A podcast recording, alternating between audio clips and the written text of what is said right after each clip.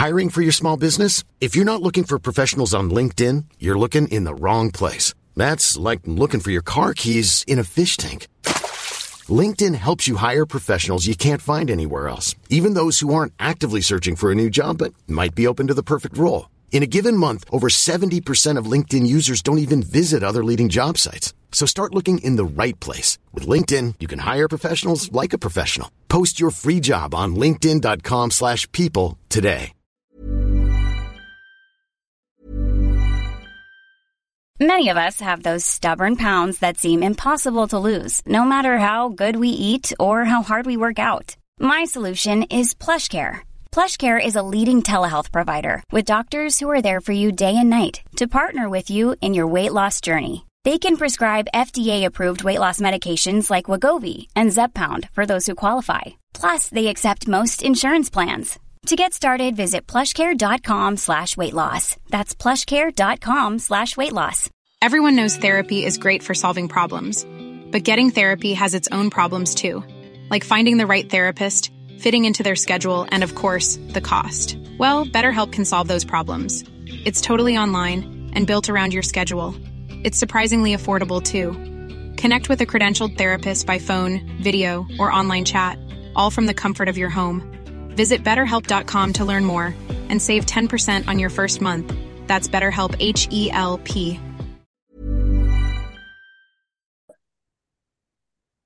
Halo pendengar GGMI Podcast, baik lagi bersama kita berdua dan pada episode sebelumnya kita mempanaskan rumor terkait dengan uh, nama dua nama ya di posisi LB.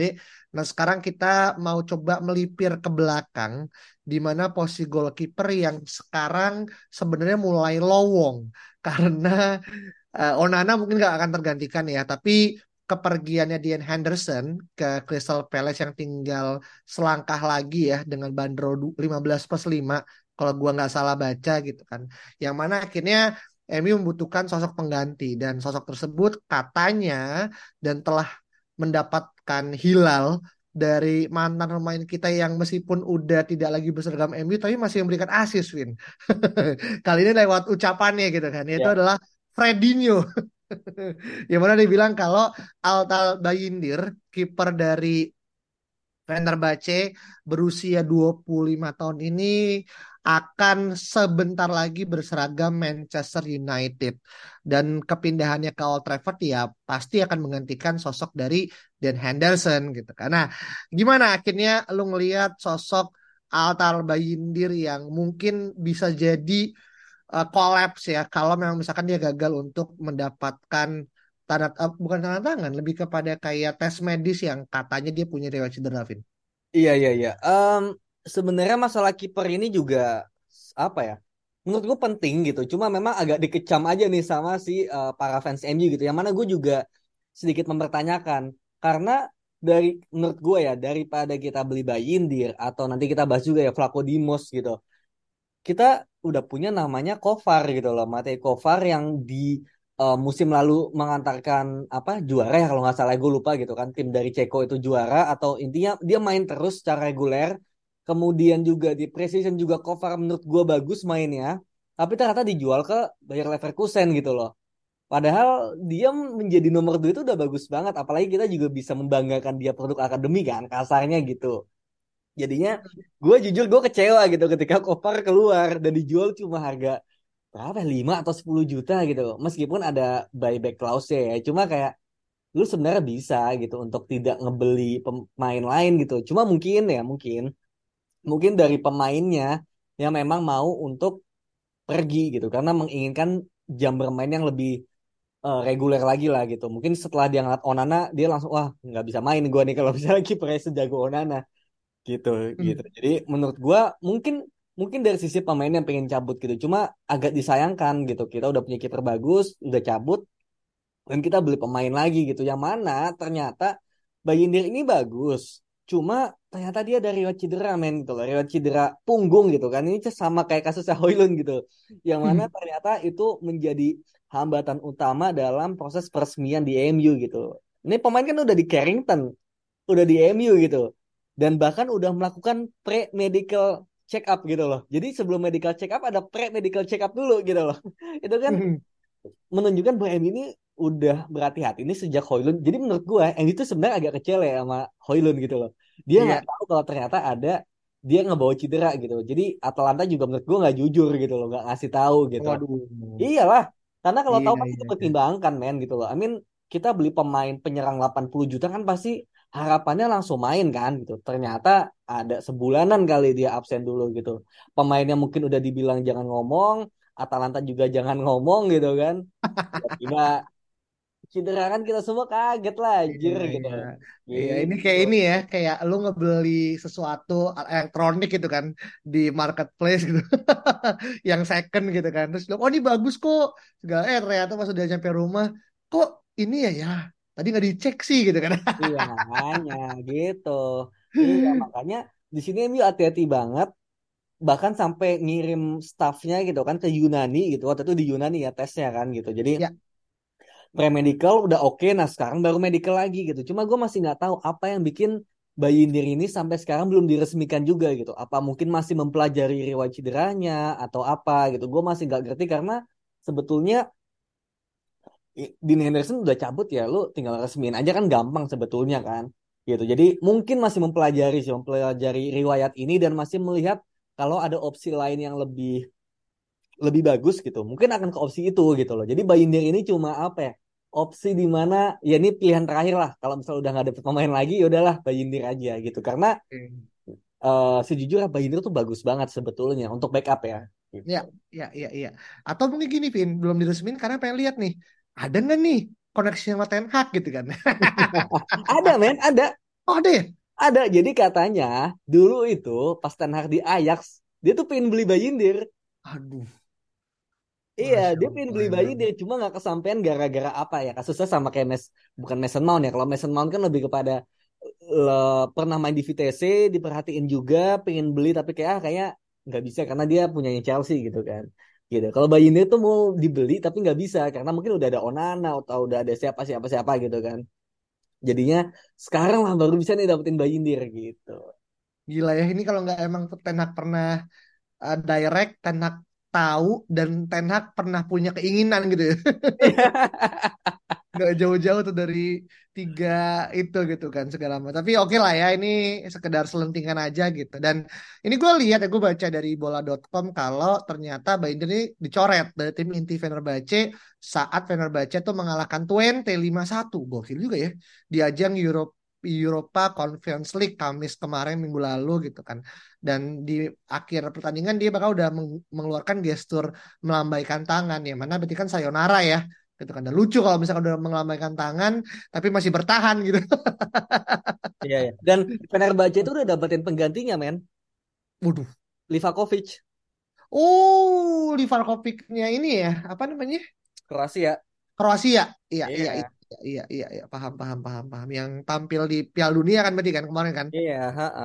Hmm, iya, iya, iya, iya, iya. Oke, oke. Dan ini juga Fred bilang ya di akun Twitternya ya, saya berharap Altai mendapatkan keberuntungan saat dia pergi. Dia akan pergi ke tim yang hebat. Waduh, ini dibayar sebagai buzzer atau ini ya? Mungkin masih ada sisa-sisa ya kenangannya Fred gitu kan. Karena dia juga habis nyetak gol mungkin happy, moodnya masih bagus gitu.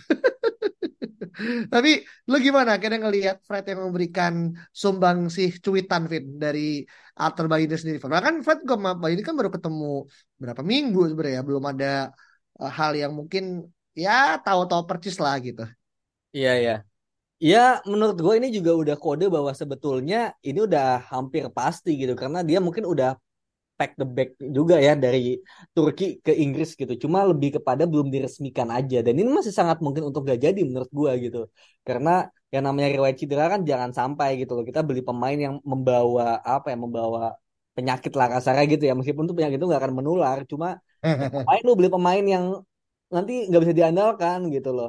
Jadi menurut gua ya itu udah udah kode bahwa eh, masalah personal terms sudah aman, masalah harga dengan Fenerbahce juga 5 juta udah aman gitu. Jadi ya sebenarnya udah udah pasti gitu. Cuma masalah medical doang gitu loh.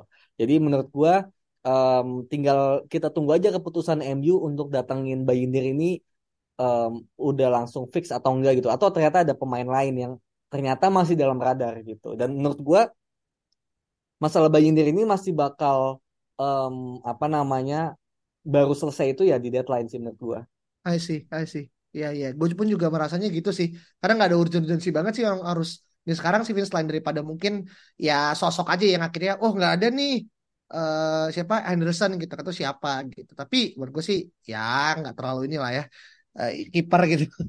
ya sorry nih kalau misalkan akhirnya ngeliatnya kayak Andreas Lima tapi well kita masih butuh banyak uh, tambahan nih di lini yang lain. Tapi ini kalau gue lihat ya riwayat transfernya Bayindir gitu, dia tuh belum pernah keluar dari Liga Turki gitu. Dari mulai 2011 dia mungkin tampil profesional ya pertama gitu kan di Bursa Spor, dia pindah ke Arabaya Tagi, pindah ke Bursa Yol, pindah ke Ankara Gucu, terus juga akhirnya sampai ke Fenerbahce dan semuanya itu tuh bebas transfer kecuali dari Ankara Gucu ke Fenerbahce di angka 10,43 miliar gitu. Jadi ya well uh, mungkin akan ada butuh adjustment tapi lo ngerasa untuk kiper sendiri akan lebih mudah nggak sih Vin? atau lo ngerasa uh, tetap aja ada ada suatu pertimbangan yang harus diperhatikan?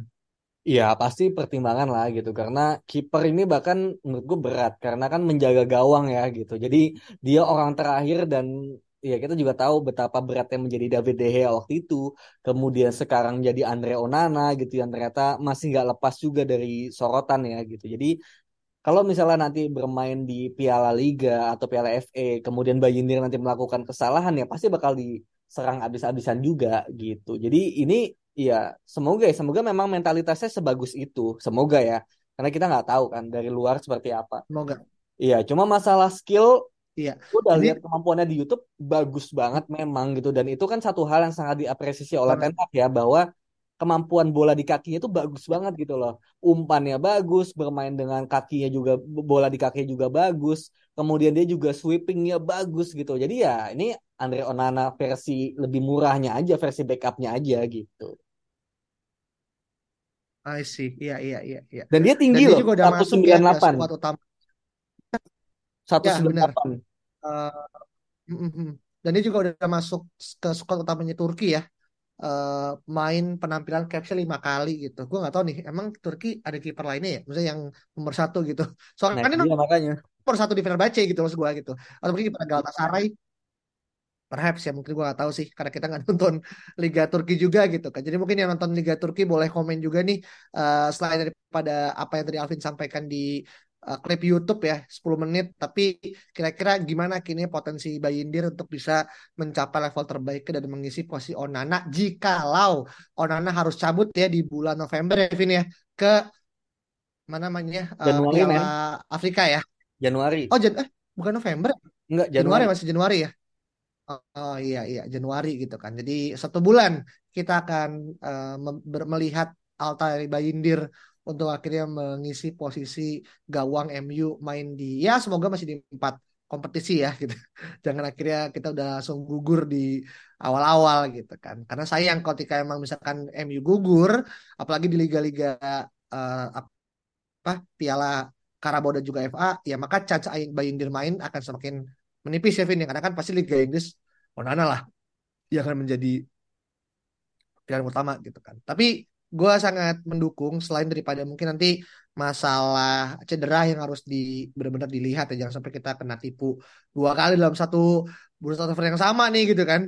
Beruntun gitu kan. Udah Oilun kena Bayern kena waduh celakalah kita gitu. Apalagi kalau misalkan cederanya nanti mungkin akan kambuh di Januari wah udah tuh gelagapan gitu. Iya benar. Nggak ada Onana nggak ada Bayindir mungkin kita akan balik ke Tom Hitan lagi.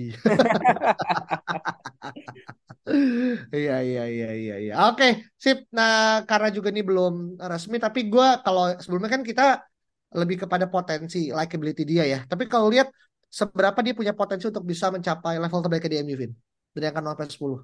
Iya, ya kalau untuk um, mencapai level terbaiknya menurut gue sih bisa-bisa aja gitu. Apalagi dilatihnya oleh pelatih yang memang sangat menginginkan dia dan juga um, gaya mainnya sama gitu loh.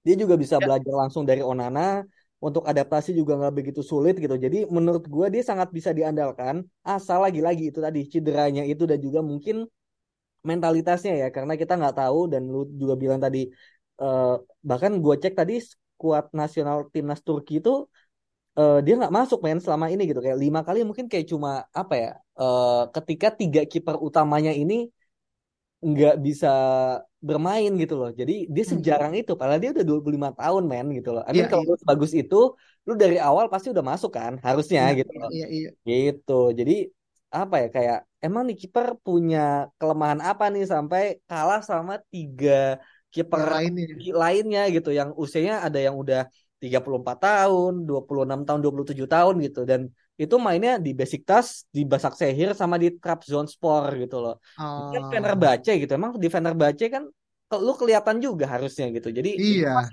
nggak tahu kenapa dia nggak kepilih gitu. I see, I see. Gue tuh inget kalau zaman Turki itu zamannya 2002 ya Piala Dunia ya. Yang di masih ada Hasan Sas, Hasan Syukur gitu. Iya iya iya.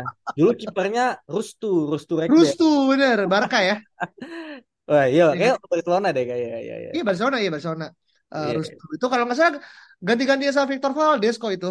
Yang Valdes pertama masuk kan gara-gara di zaman Rustu kan? Iya iya Rustu ya kan yang ada gue sih sempat dengar-dengar ada apa sih kayak drama lah gitu antara Rustu dan juga Valdes gitu kan. Ya akhirnya akhirnya ngebuat Rustu harus kesingkir gitu. Tapi ya udah lama juga sih.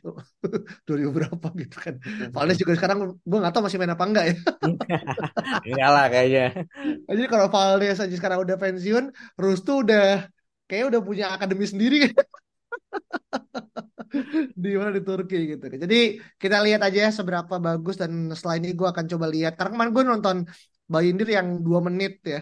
Gue kamu nonton sekarang yang 10 menit deh gitu biar lebih lengkap, biar lebih afdol gitu.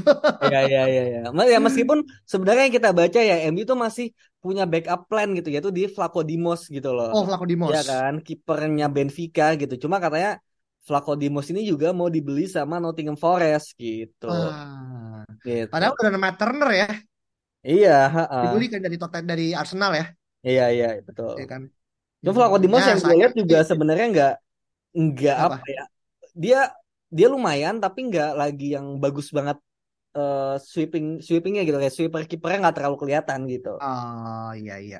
Udah bener kemarin Nottingham Forest suruh ngebit Dan Henderson gitu kan malah gaya-gayaan ke Materner gitu. Iya. kecele nih akhirnya kan harus beli lagi gitu. Iya iya iya benar iya iya iya ya. oke oke. Uh, mungkin kalau teman-teman punya pendapat berbeda silakan tulis di at ggmi podcast di twitter kita jangan lupa bintang 5 dan uh, share ke teman-teman supaya bisa menikmati rumor dan juga preview review MU ke depannya kita ketemu di episode berikutnya bye bye Imagine the softest sheets you've ever felt. Now imagine them getting even softer over time. That's what you'll feel with Bowl and Branch's organic cotton sheets. In a recent customer survey, 96% replied that Bowl and Branch sheets get softer with every wash. Start getting your best night's sleep in these sheets that get softer and softer for years to come. Try their sheets with a 30-night guarantee. Plus, get 15% off your first order at bowlandbranch.com. Code BUTTERY. Exclusions apply. See site for details.